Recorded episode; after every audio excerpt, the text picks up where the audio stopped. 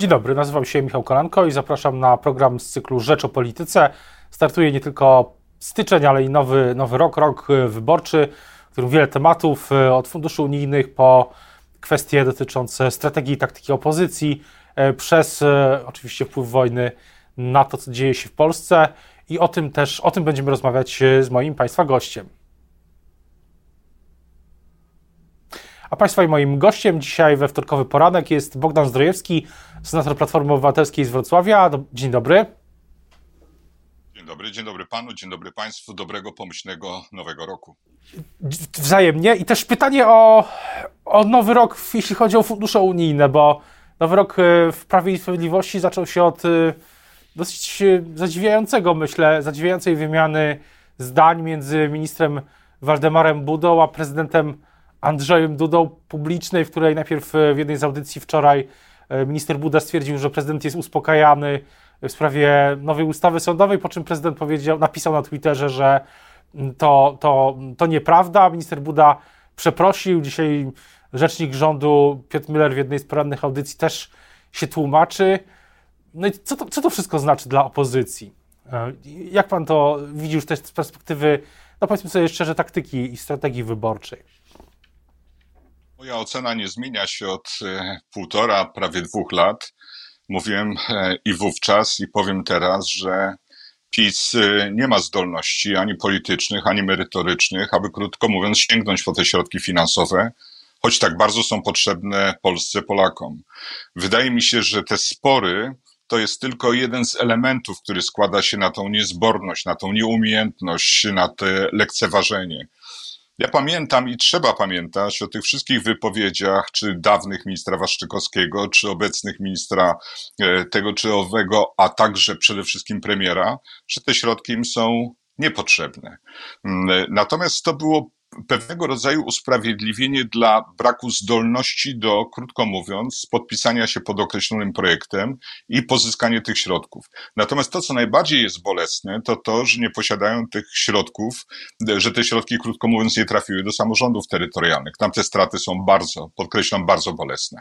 Czyli obstawia pan, że te, te środki do, e, w najbliższym czasie, czy w tym roku, przynajmniej do wyborów, e, do samorządów, do gospodarki nie trafią, że ta ustawa albo nie przejdzie przez Sejm, albo zablokuje ją prezydent, albo nie pomoże. Tak, są chyba trzy takie y, możliwości. Opozycja wielokrotnie deklarowała, że jest gotowa na to, aby podpisać się i pod y, paktem, i pod określoną ustawą, aby krótko mówiąc te środki trafiły do Polski. Ale wygląda na to, że e, PiS za każdym razem próbuje zbudować y, taki scenariusz, pod którym opozycja nie może się podpisać, w związku z tym te głosy ziobrystów są im niezbędne. E, powiem natomiast o jednej rzeczy, która e, nie pojawia się generalnie rzecz biorąc w takich analizach.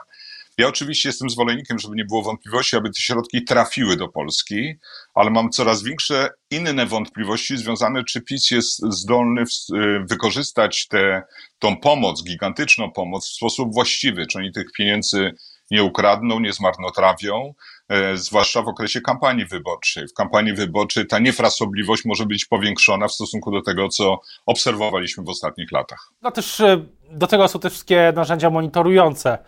E, opisywaliśmy w Rzeczpospolitej, no, że one w pewnych burach, ale powstają. I powstały, zdaje się, jeśli chodzi na przykład o ten komitet monitorujący. Ale mówi pan, że to może nie wystarczyć po prostu może nie wystarczyć, dlatego że taki komitet monitorujący działa z sporym opóźnieniem, co najmniej półrocznym. Natomiast ja obserwowałem, jak PiS nie przejmował się ani konstytucją, ani przepisami unijnymi, ani tymi najważniejszymi pryncypiami, jakie powinny obowiązywać w polityce, więc nie sądzę, żeby się w tym wypadku przejmowali specjalnie komitetem monitorującym. Jeśli, jeśli ta ustawa, jeśli ta ustawa, o której mówimy, która była przedmiotem tej dosyć niecodziennej wymiany zdań publicznej y, między prezydentem a ministrem, ona trafiłaby do Senatu, to pan by się spodziewał, tak oczywiście spoglądając na to dzisiaj, 3 stycznia, że Senat by wprowadzał do niej poprawki, czy raczej by ją odrzucił y, w całości, zakładając, że, mm, no, że kształt tej ustawy będzie zbliżony do obecnego. My nad każdą ustawą pracujemy po pierwsze szybko, po drugie rzeczywiście pracujemy, a nie udajemy. E, I trzeci element, zawsze dominuje merytoryka, a nie polityka, chociaż ta polityka też oczywiście jest. E, wydaje mi się, że na pewno nie puścilibyśmy takiej ustawy, nie przyglądając się jej zapisom. No to jest w naturze senatorów, że jest tą izbą jak się czasami złośliwie mówi, refleksji, ale ta refleksja przy każdych projektach, zwłaszcza obecnego rządu, jest niezbędna. E, przynosi efekt w postaci przeważnie coraz mniej licznych poprawek, bo widzimy, co z tymi poprawkami robi Sejm. Po prostu nie korzysta z tej podanej ręki. E, ale w tym wypadku potwierdzę, pracowalibyśmy bardzo szybko, bardzo merytorycznie i z pewną determinacją, aby jednak te środki, krótko mówiąc, się w Polsce znalazły. A pan w ogóle, kończąc ten wątek, ale myślę i płynnie przechodząc do innego, czy pan w ogóle, tak jak to yy, się czasami mówi, kupuje ten pomysł taki narracyjny PiSu, że yy, bez tych środków nie ma wydatków na zbrojenia? Bo tak PiS ostatnio mówi. Nie, nie, to, to, to robienie e, ludziom z mózgu już nie powiem czego. E, natomiast e, ja powiem o jednej rzeczy, która jest bardzo ważna a propos wydatków obronnych, bo je pan dotknął.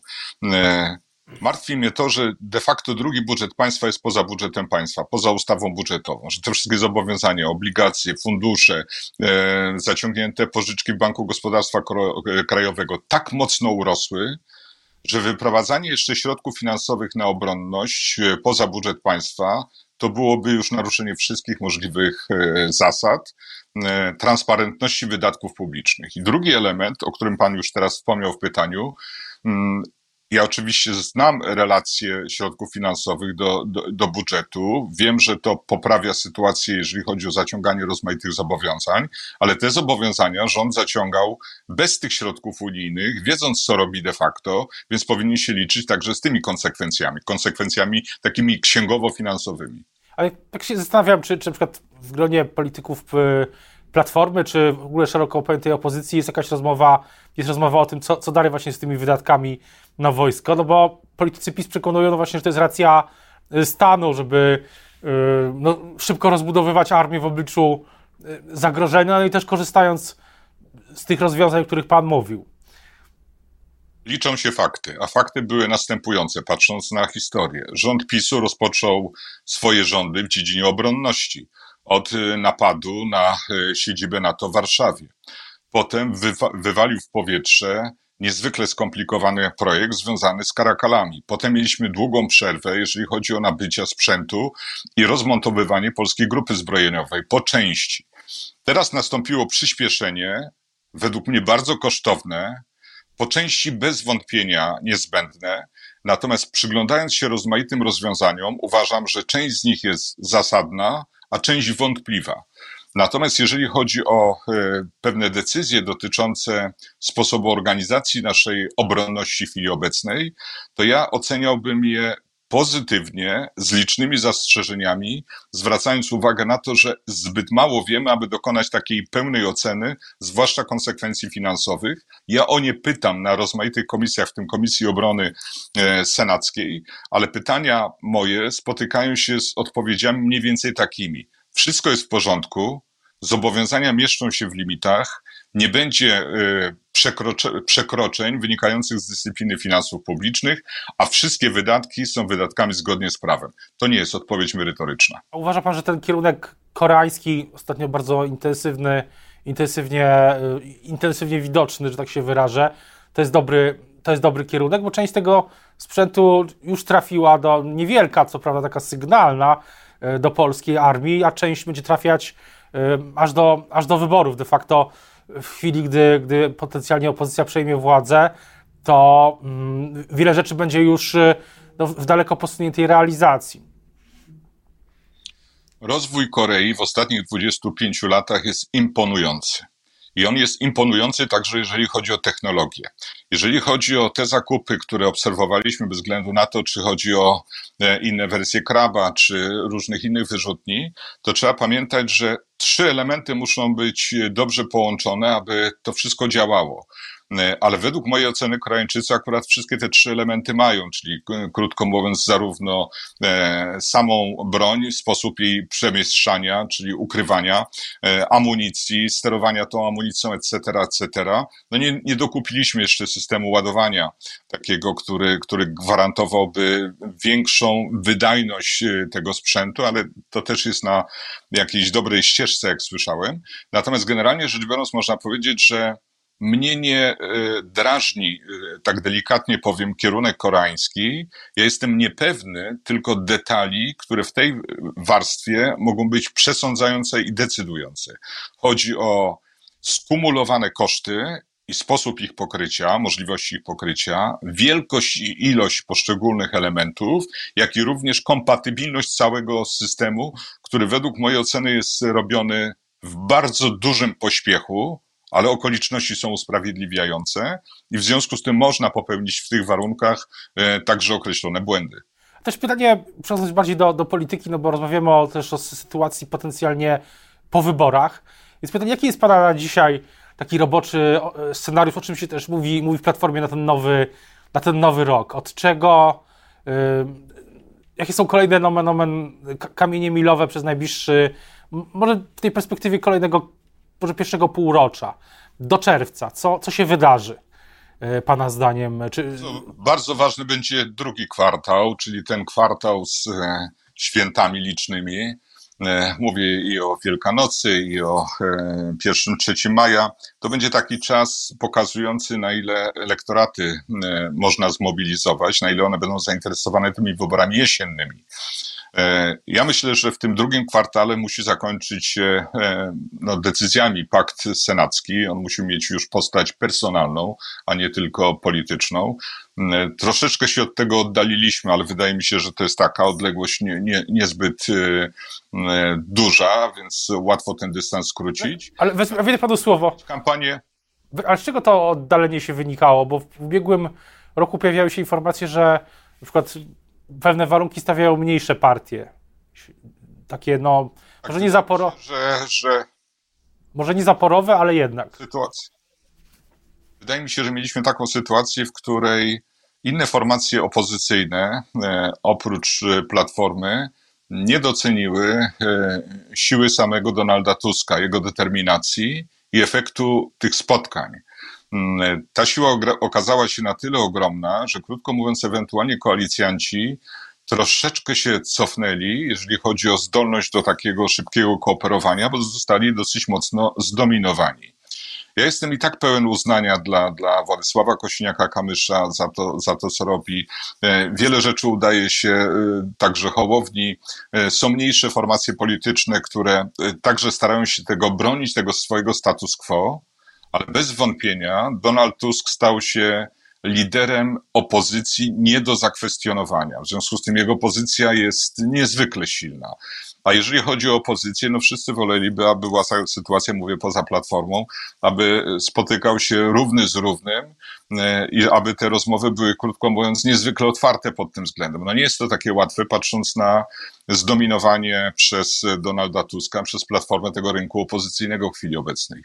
Bo taka była rzeczywiście, było takie przekonanie w ubiegłym roku, że ten pakt senacki jest tuż, tuż.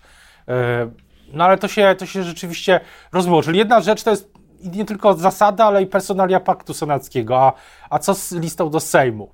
Jak, jak to może wyglądać? Jak ten proces w ogóle powinien się zacząć? Bo ja mam wrażenie, że na razie przez ostatnie miesiące wszyscy tkwili y, na takich pozycjach y, no, takiego sądowania się.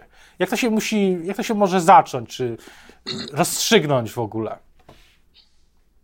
Pewne rozstrzygnięcia według mnie zapadły. E, pierwsze rozstrzygnięcie, które martwi znaczną część elektoratu, że nie będzie jednej wspólnej listy. E, ja nad tym ubolewam, ale uważam, że lepiej pójść dwoma czy trzema listami niż jedną listą niewiarygodną.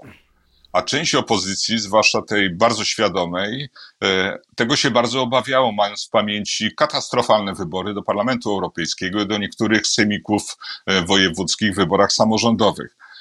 Po to, żeby była lista jedna, ona musi mieć bardzo, podkreślam, bardzo wysoką wiarygodność, a nie przeciętną czy przyzwoitą nawet wiarygodność.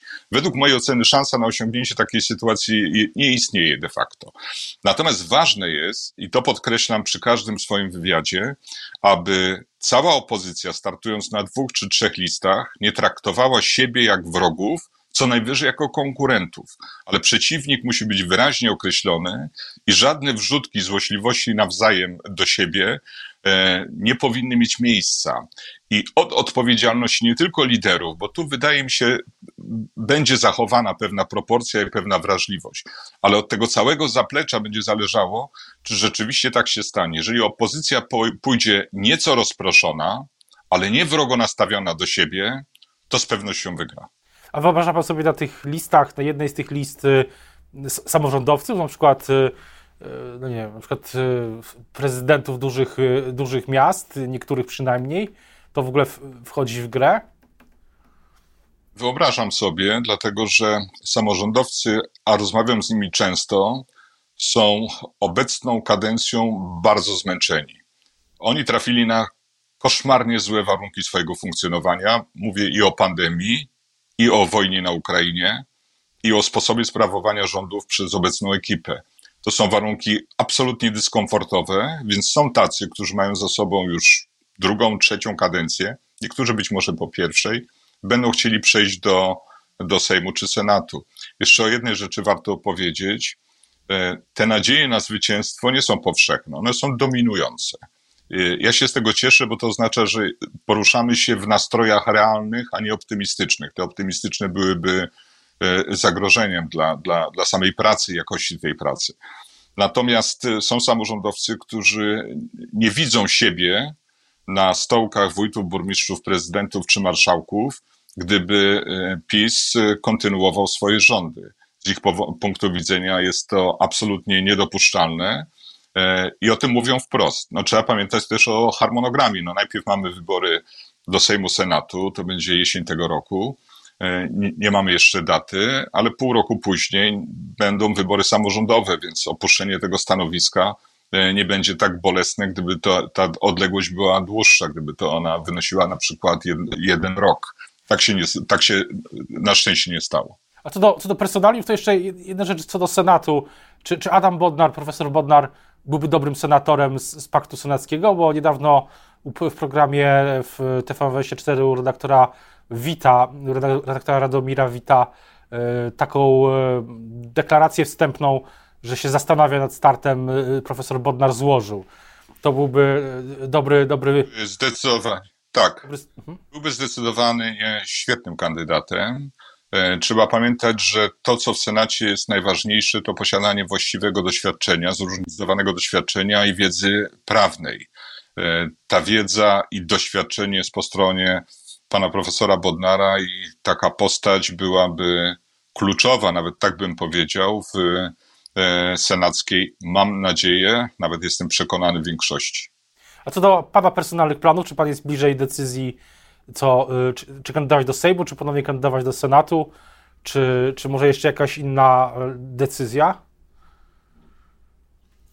E, przede wszystkim jestem do dyspozycji. Bardzo mi zależy, to jest najważniejsze, aby krótko mówiąc we Wrocławiu wygrać e, z PiSem. Wiadomo, że jak startuję do Senatu, to zdobywam jeden mandat. Nawet jeżeli to tak było w poprzednich wyborach, że startowałem decyzją Grzegorza Schetyny nie z Wrocławia, tylko spoza Wrocławia, w okręgu, w którym mm, e, ciężko zwycięstwo, to ten mandat zdobyłem, ale to jest jeden mandat.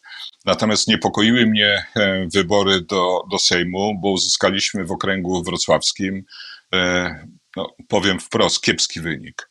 I ten wynik trzeba zdecydowanie poprawić, więc być może będzie taka presja i pewien przymus abym prowadził listę do Sejmu, ale nie jest to rozstrzygnięte.